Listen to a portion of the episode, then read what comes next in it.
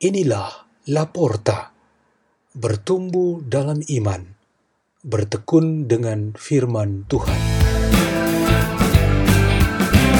Bersama kami, Suster Bonita Silaban KSSY dan Suster Gaudensia BSMC, umat paroki Yesus Gembala Baik, Keuskupan Palangkaraya, Kalimantan Tengah.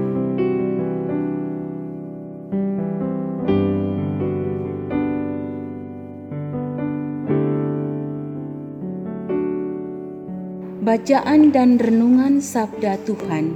Rabu, Pekan Biasa ke-31 4 November 2020 Peringatan Wajib Santo Carolus Borromeus Uskup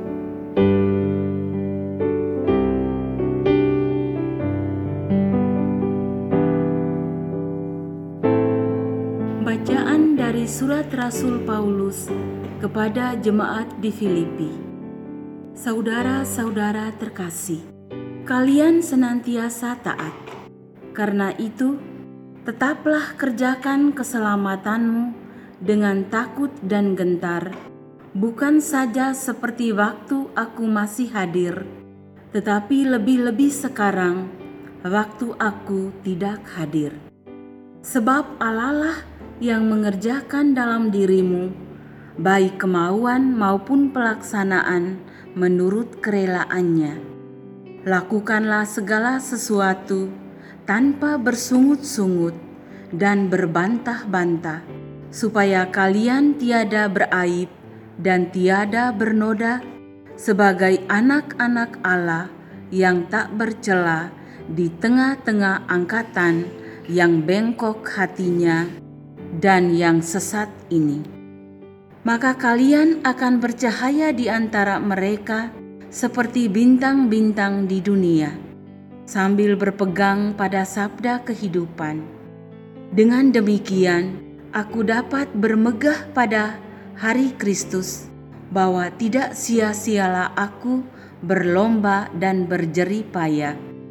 Tetapi sekalipun darahku dicurahkan pada kurban dan ibadat imanmu, aku bergembira dan bersuka cita bersama kalian, dan kalian pun hendaknya bergembira dan bersuka cita bersama aku.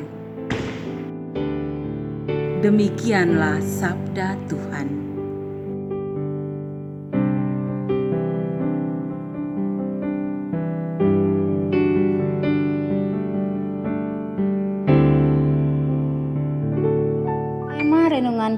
Pada hari ini ialah lepas bebas.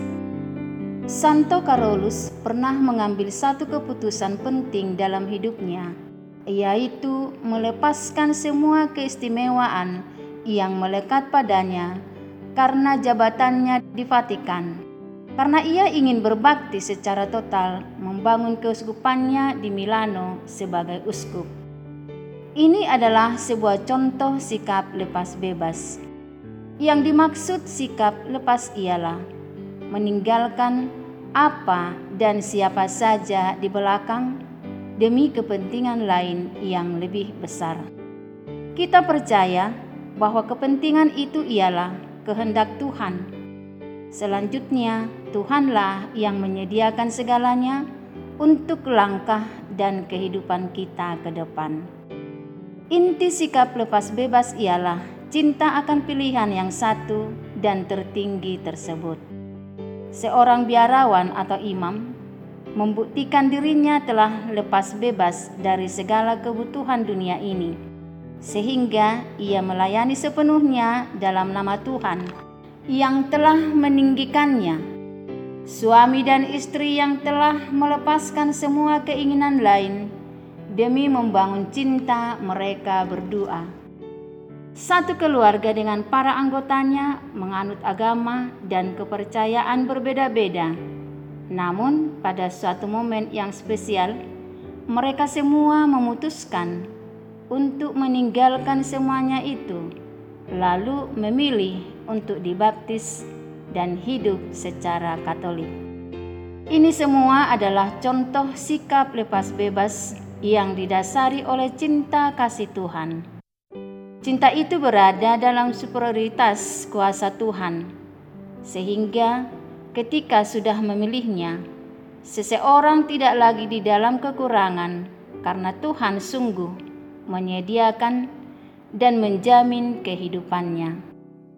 Tuntutan cinta kasih itu sangatlah konkret, yaitu mengerjakan segala sesuatu atas nama cinta karena Tuhan adalah cinta kasih itu. Ada kenyataan bahwa kita memilih kekurangan baik dalam rencana dan prosesnya yang tidak memuaskan dan bakal tidak mencapai target. Tetapi bekerja karena cinta hendaknya tidak diremehkan atau dihentikan Menurut Santo Paulus di dalam suratnya kepada jemaat di Filipi, Tuhan adalah mengerjakan di dalam diri kita, baik di dalam kemauan maupun pelaksanaannya. Jika pekerjaan itu kita lakukan atas dasar cinta kasih, itu berarti Tuhan bekerja sama dan di dalam kita. Setiap atau segala kepentingan baik untuk diri sendiri maupun diri sekitar kita harus selalu di bawah cinta kasih Tuhan. Kita menjadi bebas untuk melakukannya. Bahkan situasi tertentu, pekerjaan atau sebuah pilihan atas nama cinta itu harus dihadapkan pada kekuasaan yang melawan cinta. Pegangan kita, cinta kasih tidak boleh kalah dan hilang. Yesus membuktikan bahwa cinta pasti menang. Jadi, kita perlu konsisten dan selalu di dalam sukacita, karena sebuah keyakinan dan pilihan untuk bekerja adalah karena cinta kasih. Itu adalah pekerjaan Tuhan, dan Ia akan mengerjakannya di antara kita. Marilah kita berdoa. Dalam nama Bapa dan Putra dan Roh Kudus. Amin. Allah Bapa di surga, buatlah hidup bersama di antara kami senantiasa dilandasi oleh cinta kasih-Mu. Bapa kami yang ada di surga, dimuliakanlah namamu. Datanglah kerajaanmu, jadilah kehendakmu di atas bumi seperti di dalam surga. Berilah kami rejeki pada hari ini, dan ampunilah kesalahan kami, seperti kami pun mengampuni yang bersalah kepada kami. Dan janganlah masukkan kami ke dalam pencobaan, tetapi bebaskanlah kami dari yang jahat. Amin. Dalam nama Bapa dan Putra dan Roh Kudus. Amin. La porta, la porta, la porta.